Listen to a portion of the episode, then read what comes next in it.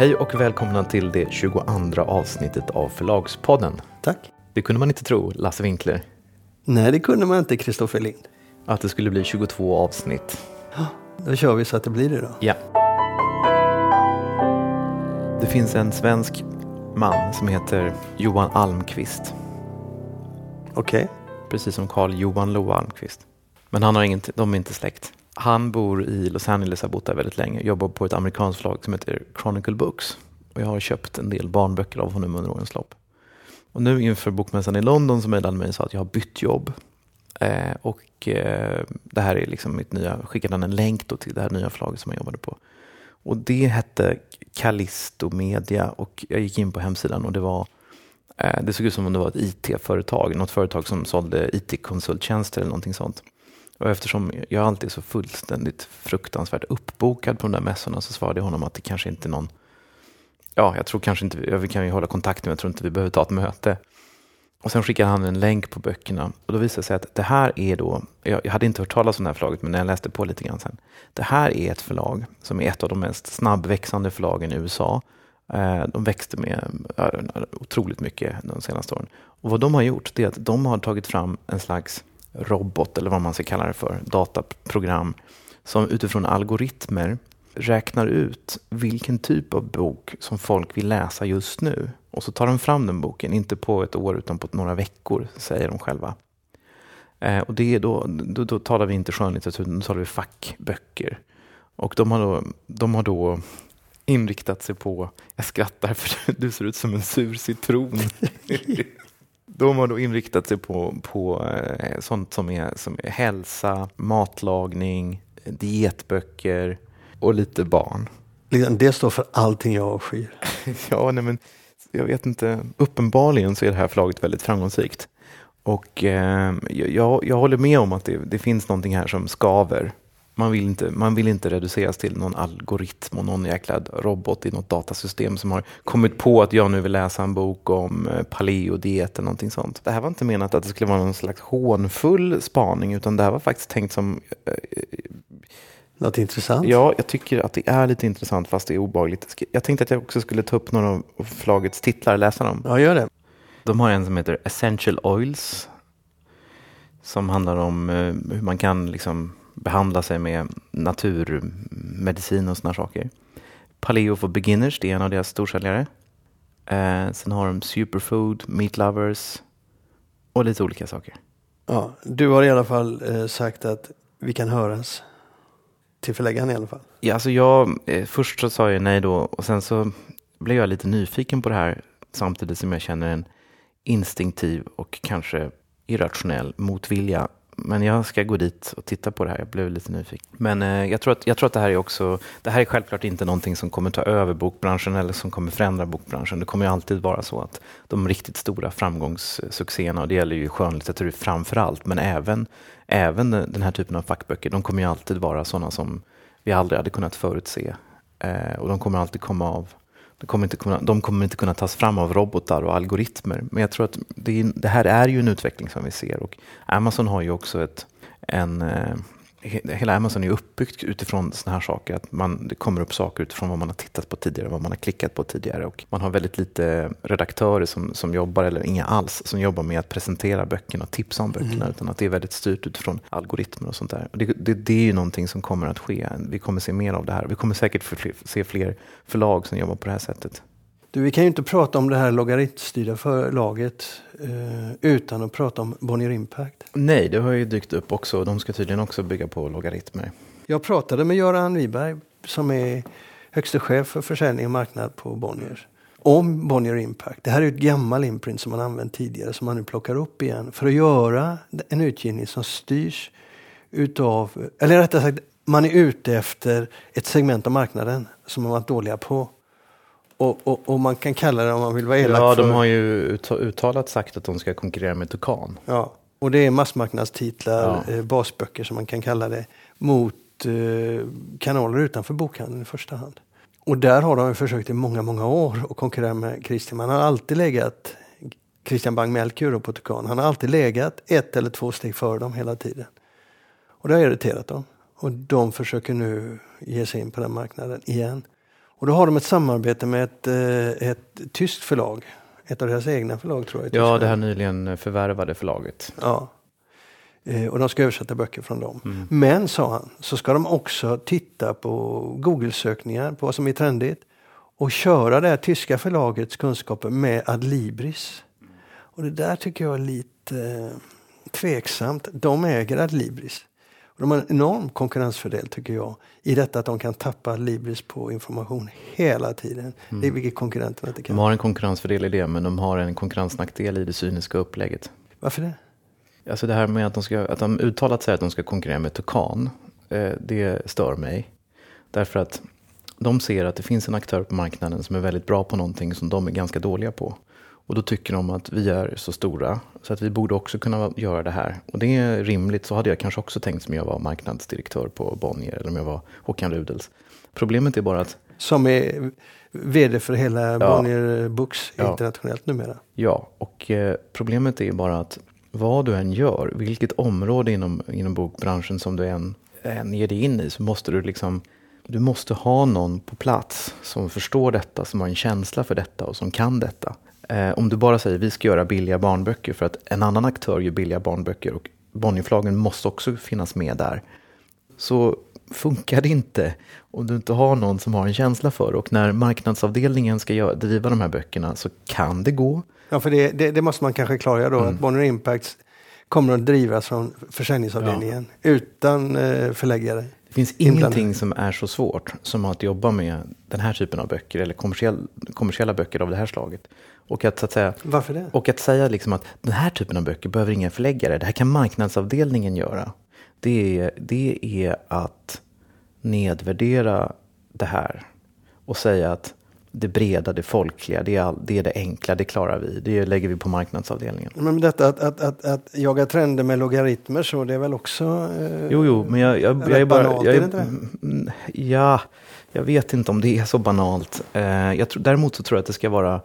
Att, att, att jaga trender med logaritmer kan säkert funka, men sen måste du ha en förläggare som tänker. Den förläggaren kan säkert jobba på marknadsavdelningen också. Men, men, eh, men här känns det som att man, man vill... Man tycker då att man eh, inom Bonnier är- dåliga på det här, och det är de ju. Eh, men jag tror att det här är fel sätt att lösa det på. Ja, det lär vi få se. Det lär vi få se. En intressant sak det är att de återupplivar ju Bonnier Impact. Ja. Vem drev det från början? Kan inte du det? Ja, jag blev blank när du ställde frågan direkt. Jag borde kunna det. Det var väldigt framgångsrikt och det drevs av Håkan Rudels. Och det var hans första jobb på Bonnier. Okej. Han kom från eh, Exlibris. Ja, som en bok, vad var en bokhandelskedja under Ja. Mats Ahlströms ledning? Ja, och hans första jobb på Bonnier var att driva Bonnier Impact. Och då kom han från bokhandeln, han var väldigt duktig, väldigt kunnig och så drev han det här Bonnier Impact med en enorm succé och en enorm känsla. Men det var han, då var han så att säga förläggare på Bonnier Impact. Sen blev han marknadschef och hoppade upp och Bonnier Impact lades ner för det fanns ingen annan som kunde ta hand om det. Så att eh, det... Man ska inte tro att det, det, det kommersiella och det, liksom, det populära är det enkla. Ska vi se det här nu som en, en boxningsmatch då där man har Tukan på ena ringhörnan och Bonnier Impact i andra ringhörnan och så följer vi andra Ja. utvecklingen. Det ska vi göra och jag tror även man kan se Iglo Books som en del i den här. Iglo Books är ju då ett eh, engelskt förlag som Bonnier köpte upp. Och innan Bonnier köpte upp det så hade de ett samarbete med eh, Tukan. Men när Bonnier köpte upp det så eh, slutade det samarbetet. Så nu är det Bonnier Jag vet inte hur mycket av samarbete det var men de köpte vissa titlar. Tukan köpte en del böcker. Från. Ja, det kan man säga. Men för då var det en annan konkurrenssituation. Mm. Men eh, Tukan blev ju faktiskt utkastade från Iglo när Bonnier köpte upp dem. Då blev det tydligt uttalat. För jag, jag råkade höra den diskussionen på Bokmässan i London. Där eh, förläggaren för Iglo rent ut sa det till Christian Bang-Melchior. Och jag stod bredvid då. Han sa det att eh, ja, tyvärr är det så. Vi har haft jättebra samarbete och du har gjort jättebra jobb med våra böcker. Men eh, nu ägs vi av Bonnier så vi kan inte jobba med dig mer. Och det är ju så att även om de inte lyckas riktigt, sa han, med böckerna, lika bra som du gör, så är det ändå en win-win situation för vi får liksom intäkterna bägge ändarna. Mm.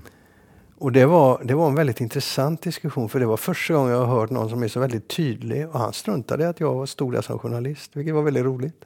Ja, nej men vi får se hur det går. Jag, jag, jag tror att det är, säkert frestande att arbeta på det sättet om man ingår i en koncern som Bonnier gör. Och Ja. På samma sätt ska man ju jobba nu här med, eh, med det här eh, tyska förlaget. Men Ja. jag tror att det är fel väg att gå. Därför att? Därför att eh, det, det ska nog vara en svensk förläggare som bygger en lista utifrån svenska förhållanden och inte att man bara tar, går till en, en aktör som Iglo Books och sen så säger man vi ska köpa 50 titlar, det ska vara massmarknad, nu tar vi de här och sen så kör man igång det. Eh, det är inte riktigt så som det funkar. Nej, och det har ju Bonnier märkt också då, för det har inte gått särskilt bra. Nej, Men det där är inget du gråter över, förstår jag. Nej, jag har ingen uppfattning egentligen. Jo, det har du, men det vill du inte ta här. Där sätter vi punkt. Ja.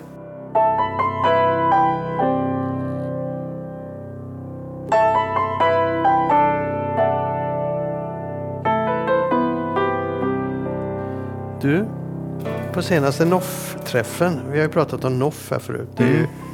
Nordiska föreningen för oberoende förlag. Yes. Småförlag helt enkelt i Sverige. Mm. Du berättade ju när ni var på uh, Bonniers och Mm. pratade med Håkan Rude så var ni åtta stycken. Mm. Men ni har haft ett möte till sedan dess. Ja, vi var hos uh, Adlibris och träffade Johan Kleberg. Hur många var ni då? Nio? Mm, jag, jag räknade inte, men jag tror vi var kanske till och med 15. Wow, okej. Och där var det något som du tyckte var intressant. Men det var flera saker och jag tycker vi ska ta upp det eftersom det var så få på plats. Men också för att vi talade om Johan Klebergs eh, utspel som han gjorde för ett halvår sedan eller någonting sånt som fick Mm. väldigt stort massmedialt genombrott. Där han sa att böcker är för dyra och bör bli billigare. Och vi tyckte väl att det var ganska korkat sagt. Eh, men, men vi anade att han, att han eh, eh, ja, bland annat kände sig hotad av streamingtjänsterna. Och nu var jag på den här presentationen och då förklarade han lite grann vad han menade.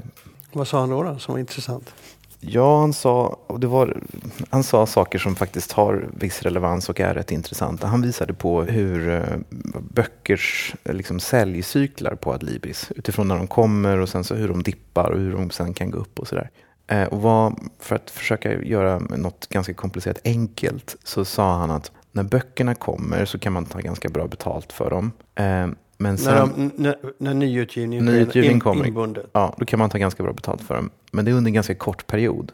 Eh, och sen så måste man liksom, sen blir de ganska snabbt för dyra. Och då händer ingenting och då händer ingenting. Och sen kommer de i pocket och då är de helt plötsligt för billiga.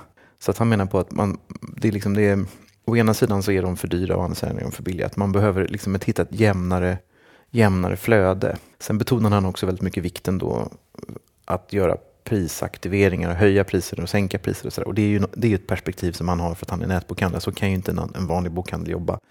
Och eh, jag vet inte om de kan jobba så heller egentligen. För det förutsätter en kommunikation med förlaget. Och det kan man väl göra på enskilda titlar men inte på en hel lista med tiotusentals titlar.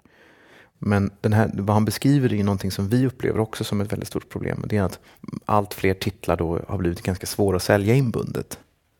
Och att pocket är, är för billigt. Att, det kan inte liksom, att vi behöver hitta något slags mellanformat här. Eh, jag, har- jag har liksom inte löst den här frågan men det här är, det här är en av de stora knep, alltså, stora problemen just nu. Jag har ju käpphäst där. Jag har ju alltid gillat det amerikanska B-formatet. Mm. Det- Där du har trade paperback. Alltså en mycket högre kvalitet eh, än vad våra pocket är. Där det faktiskt är väldigt vackra böcker. I USA så har det varit så att du har haft inbundet, du har haft trade paperback och du har haft mass market. Mm. Så de har haft tre format som fungerar väldigt bra och där trade paperback är lite dyrare. Och bra mycket dyrare än den svenska Ja, pocketen, väl- ändå säljer. Det är väl i USA som i England att de flesta böcker kommer aldrig ut inbundet. Utan de flesta, eller i- vad vi har, våran pocket är vad de kallar för mass market paperback. Ja, Och de flesta böcker i England kommer ju aldrig ut i vare sig inbundet eller i mass market paperback. Utan de kommer ju då ut i trade. trade size paperback. Eh, och det, där gjorde också Kleberg en poäng och det är att hans kunder bryr sig inte så mycket om ifall en bok är inbunden eller mjukband eller stor pocket. Mm. Och det är också en, en, eh, en intressant synpunkt som jag tror det ligger mycket sanning i, men bara för den som handlar på nätet. Alltså jag, jag skulle vilja se det. Jag skulle vilja se en, en trade paperback variant i Sverige. Vi har pratat om det förut. Jag gillar inte eh, storpocket för den är bara liksom en uppblåst version av pocketen. Och den kvaliteten räcker inte på något sätt. Jag vill se vackra, snygga eh, böcker som också är sköna att ta i. Vi har ju en sån situation i Sverige. Det är vår kultur. Men går du till Holland som är ungefär dubbelt så många människor som i Sverige, så kommer böckerna först ut i, i, i mjukband, mjuka pärmar. Och om de går bra så kommer de ut inbundet. Så det finns egentligen ingenting som säger exakt hur det ska se ut. Utan man behöver göra en... Eh, och där har Johan Kleberg på ett sätt en intressant poäng. Därför att han sätter igång den här debatten från ett annat håll än bara förlagen som vill maximera eh, vinsterna. För jag kommer ihåg, vi hade den här debatten för, för tio år sedan. Och då kom, tror jag, eh, eh de stora förlagen med, med, med storpocketen. Och jag tycker det var en chans som försattes. För storpocketen då var bara eh, trähaltigt papper som det var gult efter en vecka och var egentligen bara en förvuxen pocket. Inte snygg, inte skön att ta i och absolut inte värd pengarna. Men den, den gick ju in istället för eh, det här gamla formatet. Kartonaget, kartonaget, ju, var ju, ja. kartonaget var ju ganska stort för 20 år sedan. Ja, den gick in istället för kartonaget och det är mm. ju egentligen ett kartonage med mjuka pärmar. Mm. Och man kan inte tänka så, utan man måste tänka nu i, i, med e-böcker så måste man tänka kvalitet. Och det är därför man ska titta framförallt på det amerikanska eh, trade paperback-formatet. Eh, problemet med storpocketen i Sverige har ju varit att kunderna uppfattat det som en dyr pocket. Ja, ja men jag tror man ska... Man, förlagen, har ju, förlagen har ju försökt väldigt mycket men det har inte funnits något större intresse från köparna. Nej, jag tror man ska utmana köparna. Och jag tror ett förslag, ett antal eh, förlag går ihop och bestämmer sig för att göra en serie utav... Eh, man lägger in ett par titlar på man i en utgivning som, där man gör just eh, det här trade paperbacken med en högre kvalitet. Och så sätter man en 140-145 kronor. Och så gör man det över två år och så bestämmer man sig för att tillsammans driva det här formatet. För då kommer de stora förlagen som är fega i det här sammanhanget. De tänker inte nytt på det sättet. Ja, det tar vi med oss hem. Tack, ja, tack för att du löste även det problemet, Lasse Ja, nej, men där är löst. Mm. Garanterat, mm. jag lovar.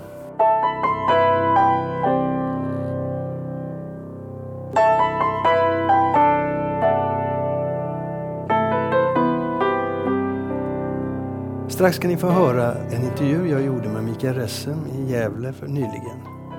Och Mikael Ressem, det är en av dina författare, Kristoffer? Det stämmer, han är en av mina författare och han har skrivit fyra böcker, eller fem böcker är det nu, i en serie om en ambulanssjuksköterska som heter Erik Sandström.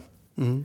Och eh, de är väl inte, hoppas jag, baserade på sanna händelser, men han har ju själv en bakgrund som ambulanssjuksköterska så han vet verkligen vad han, vad han talar om. Ja, det går fram väldigt bra i böckerna. Att de är oerhört detaljrika. Man känner att man är där. Man känner att man är där. Men varför jag intervjuade Mikael Ressemo, det är helt och hållet min idé, inte din. För nej. vi har sagt att vi ska vara restriktiva med Ja, nej, men du hittade ju en, du lyckades ju ta reda på någonting som jag inte kände till, men som var väldigt intressant och som ju också förklarar en del saker. Ja, när jag läste böckerna så, så insåg jag att här är något speciellt. Jag måste ta reda på om det är så som jag tror. Mm. Och vad betyder det? Och det var som jag trodde och det betyder allt. Mm. Och det ska ni få höra nu.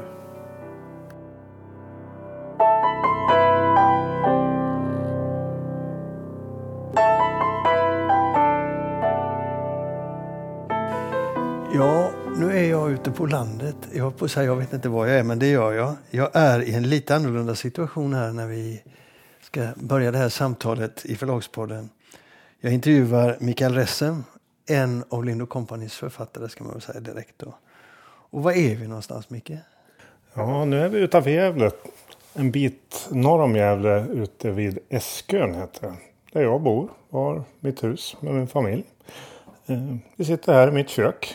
Vi träffades första gången i höstas du och jag. Mm. Inför Bokmässan i Göteborg.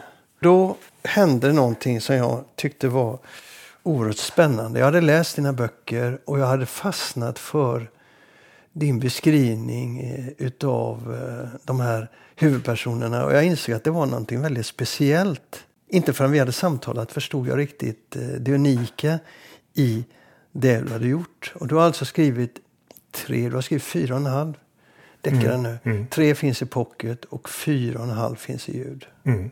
Den halva är en lite kortare variant. Orsaken till att vi sitter här och pratar och vad vi ska prata om handlar egentligen om att vara författare och ha ADHD. Mm. För de flesta människor så är det antagligen en motsättning. Ja, förmodligen. Men inte för dig? Nej, det är en, en tillgång. En styrka. Jag önskar att det fanns fler som kunde förstå det. Förstod vad jag såg. Och det är väl Det var väl så vi fann varandra i samtalet? Och... Absolut. Jag, jag eh, läste den första boken och det så då tre huvudpersoner. Det är Erik Sandström som är ambulansförare som är den centrala, eller det är han egentligen inte. Men han blir den centrala på ett sätt. Han blir det. Ja. Och det är Patrik, som vi ska återkomma till, som är ordningspolis. Och det är framförallt Thomas, som är en ung grabb med drag, eh, ordentligt drag av Asperger. Mm, drag av allt. Ja, drag av allt. Och intelligent då. ja. Det, det är i och för sig en stereotyp kan man säga. Har blivit en stereotyp i många, i många deckare idag. Alltså Lisbeth Salander-typen lite grann. Men när jag läste det där och läste det sättet du tecknade Thomas så tänkte jag det här är för bra. Det här är för exakt. Du måste veta någonting mer. Och då gled du lite på det när jag pratade med dig i telefon tills jag berättade att jag i min familj har de här, vad ska man kalla det, eh, situationen. Där medlemmar i min familj har varianter av detta. Så jag hade sett en del och trodde jag jag förstått en del. Och då berättade du nämligen vad då? Jag har ju faktiskt ADHD. Och är diagnostiserad med det. Medelsvår ADHD i kombinerad typ som man säger. Och det betyder att man har både impuls och koncentrationssvårigheter. Så rent tekniskt borde det vara omöjligt att skriva böcker. Och det är ofta det man möts av, eller det jag möts av. av läkare och jättekunniga personer som säger att är man gift, har barn, har ett chefsjobb som jag också har, bortsett från mitt författarskap, och skriver böcker, då kan man inte ha ADHD. Men det är ett missförstånd. För den som är insatt och läser dina deckare så kan man se eh, hur du har löst vissa saker. Som eh, du har sagt till mig att du läser inte särskilt mycket. Nej, jag, jag läser faktiskt ingenting. Jag försöker läsa. Det där är ju något som man, om man, när man växer upp och går i skola och, och går mer i skola och blir äldre. Så är, det där är ju något som man hör från alla. Du måste läsa. Du, du måste läsa för att lära dig skriva. Du måste läsa och skriva för att läsa och hela det där. Och du, måste, du, du tänker på när du ska gå i gymnasiet, då måste du läsa. Du måste, kunna- det, det, man, man trycks i det där. Och det där blir lite jobbigt när man inte kan läsa. När man kan läsa bokstäverna men man har inte uthålligheten att läsa en bok. Och det är inte så att det går om du bara försöker. Utan det går faktiskt inte för vissa. Det är klart att jag också kan läsa en bok. Men det tar jättelång tid. Och det är inget njutbart i det. Skriva blir jag faktiskt inte trött av. Men läsa blir jag jättetrött av och somnar. Så när jag skriver så blir det utifrån det jag kan. Och det blir ett flöde som kommer ut. Jag skulle mer säga att det är som att spela musik. Jag ser det framför mig. Du skriver, du skriver jämt. Ja, jag skriver jämt. Ett sätt att hantera omvärlden och tid- tiden. Enda skillnaden nu är ju, är ju att jag skriver någonting mer målinriktat. Jag skriver någonting som jag vet ungefär vad jag ska skriva om. Men tidigare har jag skrivit betraktelser och poesi och det är ett, ett, sätt, ett sätt att koppla av. När jag läser dina böcker så blir jag oerhört fascinerad av personligheterna. Av deras, hur du har skrivit fram dem, vad de gör och vad de kan och de, hur de beter sig. Det blir så exakt. Så jag förstår vad du säger när du, när du, när du säger att du, du, du har dina erfarenheter och det är dem du skriver om. Och vet man då eh, hur du tänker så förstår man också varför till exempel polisens eh, Patrik gör som han gör och varför han har den rollen han har. För han bryter ju hela tiden mot eh, polisens, eh, inte regelverk men eh, han gör inte som han ska i alla fall. Nej, nej, han gör ju inte det. Vilket egentligen är en motsats mot honom som person. För han är ju väldigt moraliskt korrekt. sådär? Han är väl den i gruppen som är det. Ja, han är väl den enda som är det. Erik har ingen moral alls och Thomas har sin egen. Du har valt en polis som inte sysslar med utredning av brott. Nej. Varför det? Det är för att jag inte kan det. Jag kan inte polisyrket. Eh, jag, jag har ju, eftersom jag jobbar på ambulansen så har jag haft mycket med, med polisen att göra. Sett deras arbete. Jag har många vänner som är poliser. Både, både kommissarier och ordningspoliser. Men, men om man inte ser det framför sig så är det svårt att skriva på det sätt som jag skriver. Så att jag, jag gör ju marginell research. Utan jag skriver om det jag kan. Jag skriver om, om miljöer som jag kan och, och, och lokaler och yrken och detaljer som, som, jag, som jag känner till. polisen ingår ju inte riktigt där. Apropå det du, du känner till. För i dina böcker, åtminstone de två första, så är det väldigt mycket droghantering. Dagens missbrukare är, är, är rätt pålästa. Det har ju för sig gårdagens missbrukare varit också. Men de kan, de kan rätt mycket. De är som en apotekare. De vet vad de ska kombinera och hur och vad, det, vad som händer med kroppen. Och de har ju många års erfarenhet av. Men jag tror inte jag har läst någon, eh, någon deckare som har varit så insiktsfull när det gäller just eh, droger. Inte, kanske inte bara insiktsfullheten utan jag tänker att och där kan möjligen min, min egen diagnos spela in. Att jag har inte så mycket fördomar om diagnoser och tablettmissbruk. Utan det är mer är vad det är. Och det får vara så. Thomas får bli psykotisk om han vill. De accepterar honom ändå. Och Erik som knarkar, han gör det. Liksom, och det är fel och dumt. Men det, man ska inte vara så dömande. Du, låt oss komma lite till den här Thomas. Mm. Eh, jag minns speciellt i första boken, det är en väldigt rolig scen där, där de ska parkera bilen de här tre, första gången de är ute ihop. Mm. Och de parkerar mellan två röda bilar och Thomas kommer inte ur fläcken. Jag bara gapskrattade när jag läste det där, för det, det där är jag inte svårt alls att förstå. Nej, det går inte. Det gick inte, utan de var Nej. tvungna att backa ur där och ställa sig någon annanstans. Mm. När du har tänkt på Thomas, och har de erfarenheterna du har, hur, hur, har du funderat? Jag har aldrig träffat någon som har Thomas alla diagnoser. Men jag har träffat de som har de diagnoser som han har. Och det där tvångsmässiga röda bilar, det är typiskt Tourettes. Så, så kan man bete sig då. Och att han är socialt avig är ju social fobi eller Asperger. Så man, jag tycker att jag har ju träffat alla de personerna och, och, det är spännande att laborera med honom just eftersom han är så... Han är inte bara sin diagnos heller ska man komma ihåg som alla med diagnoser utan han är ju sin egen person. Han har ju lite karaktär och personlighet och hanterar ju omgivningen mm. på ett speciellt sätt. Du har gjort en eh, vad ska man säga, en väldigt speciell karriär. Den, den kan vara intressant för lyssnarna att få klart för sig. Eh, när jag var 18 så gick jag ut eh, gymnasiet och började inom hemtjänsten faktiskt i Gävle. Och sen eh, flyttade jag till Västerås. Jag hade lite halvstöket i Gävle just då. Av, av lite olika skäl. Jag flyttade till min mormor då i Västerås. Och jobbade på centrallasarettet där. Som extra vak och undersköterska. Och sen eh, började jag på vaktmästeriet det var som en sorts uppgradering då från extra vak till vaktmästare. Sen började jag på akutmottagningen där som undersköterska. Och sen läste jag vidare till ambulanssjukvårdare. Och när jag var 21 så flyttade jag hem till Gävle och började på ambulansen där. Sen jobbade jag på ambulansen i, till 2008. Läste till sjuksköterska under tiden. Och 2008 började jag som ambulanschef i Gävle. Eh, sen var jag det. Sen har jag varit chef på olika poster och positioner i olika kliniker sen dess. Och idag är du? Idag, är jag chef för, eh, på kardiologin, för hjärtenheten i Gävle. Då har man ju då en förutfattad eh, uppfattning att det kan man inte...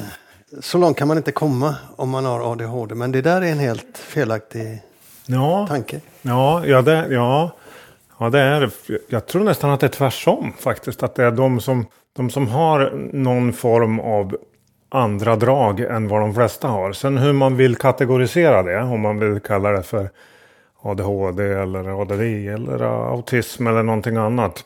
Det är ett sätt att förstå. Att, att sätta en etikett är ett sätt för även för de som har det att, att förstå sig själva och, och, och, och liksom veta förutsättningarna på något vis.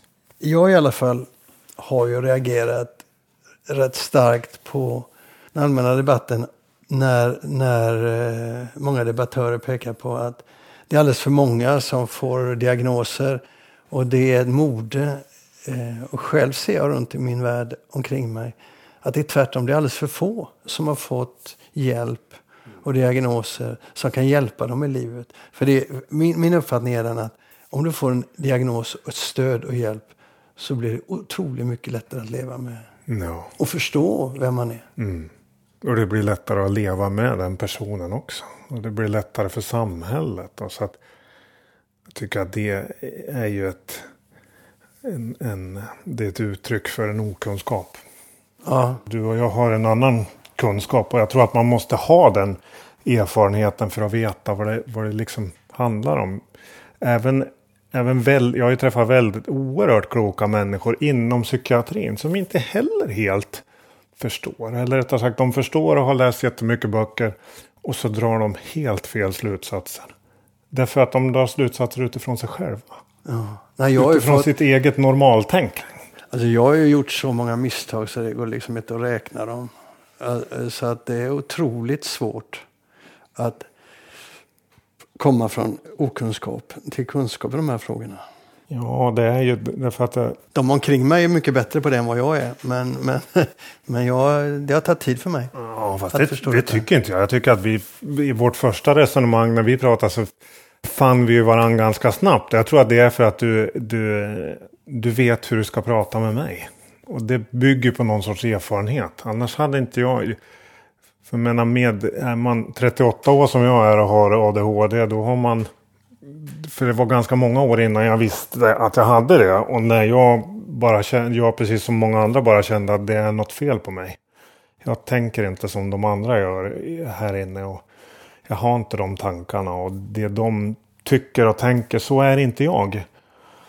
Och när, och när man är så, utan att veta vad det är, utan bara att det är något, så, så drar man sig undan lite grann. Och man är, är inte den som öppnar upp sig och berättar. Det är ju nu som jag gör det, sista åren. Men, men, men du hade den effekten.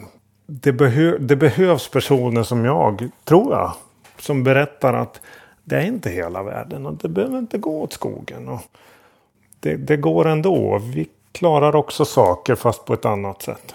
Men, men, men det jag tror är viktigt i det är att man får aldrig skylla på sin diagnos. För då, man får aldrig liksom säga att ja, men jag har ju ADHD eller ADD eller vad det nu må vara. Och därför är det så här. Utan då får man ta ansvar för det. För att det är ju vi, den där lilla procenten, som ändå är de som ska anpassas. Det är inte så att hela världen ska anpassas efter oss. Vi kan behöva lite hjälp och förståelse och stöd. Då går det bättre. Men så, så man ska inte skylla på sin diagnos. Då ger de oss andra dåligt rykte bara. Vi som försöker. Mm. Tänker jag. Eller jag tänker så här. När det gäller just eh, diagnosen. För mig är det viktigt att markera att det är ingen sjukdom. Det är ett annat sätt att fungera. Varför kallar man det för funktionshinder? Blir, man inte rätt trött på det? Jo. Funktionshindret ADHD. Va, vad anger det för värdering till oss som har det? Ja, att det är mindre. Ja, Du är ett, ett, ett par nummer mindre än oss Ja. andra. jag har ett funktionshinder. Ja. Nej, alltså det, är ju, det är ju bara ett funktionshinder för den som tror att det andra sättet att vara är det andra sättet att vara. Men eftersom vi pratar ofta om, om eh, det här är ju liksom ingen... Nu är jag ute på djupt vatten för jag kan inte så mycket om hur man ska eh, förstå det. Men, men jag tänker så här att för mig kan det inte vara så att människor som har de här eh, Di diagnos, diagnoserna eh, är, det är annorlunda och det är väldigt mycket annorlunda och det, det kräver mycket för att förstå hur man ska möta det och framförallt hur man ska förstå uttrycken ibland. Eh, jag tar ju, och, och, och det menar jag har varit min svaghet, jag har alltså tagit de här uttrycken utifrån mig själv och det blir helt fel. Jag förstår det helt fel. Men när jag lär mig att förstå det så kan vi mötas på en helt annan, eh, på en helt annan nivå och vi kan, många konflikter kan eh, försvinna och det blir mycket lättare att leva tillsammans. Och det där tror jag gäller alla eh, de här diagnoserna. Att om vi lär oss att förstå varandra så blir det en oerhörd vinst för alla inblandade och också för samhället. Jag håller helt med. Och jag tror att och det går ju åt båda håll. Och det är det man ibland glömmer när, när det blir den här alla har diagnosdebatten. Att det är ju inte bara de som inte är diagnostiserade med något som ska förstå. Utan vi som är det ska ju också förstå. För vi tänker ju på ett sätt. Och de som inte är, har ADHD i det här fallet tänker på ett litet annat sätt. Och det ena är inte rätt eller fel. Det är bara det, den liksom normaltänkande gruppen har inte mer rätt. Utan det är bara fler som tänker så. Nu sa du normaltänkande. Ja. Om vi kallar den gruppen då för majoritetstänkarna. Det är bara fler som, som tänker så. Om, om Världen är organiserad runt den här gruppen såklart. de som tänker, ja men det egentligen är ju, det är precis så. Det finns ingen normalt eller onormalt. Men det är fler som tänker på, på ett visst sätt. Men vad hade det blivit? Så kan jag tänka ibland. Vart hade vi hamnat? Om alla tänker så som det alltid har varit. Vad hade vi haft för genombrott då? Det bygger ju på att någon tänker på något konstigt sätt för att vi ska komma vidare. Alltid. Ja. Så egentligen är ju de är inte så dum de där som tänker på, på ett annat sätt. Men de, de kan vara lite, li, lite knepiga ibland.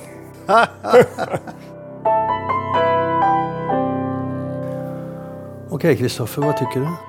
Eh, nej, men det här är ju väldigt intressant. Jag fick ju ta del av detta på bokmässan när du pratade med honom. Men det som, jag, det som jag tycker är mest anmärkningsvärt och det som är för en förläggare och eh, förläggare nästan chockerande det är denna upplysning att Mikael faktiskt inte läser. Att hans ADHD fungerar på så sätt att han har, han har svårt att koncentrera sig och därför inte läser böcker.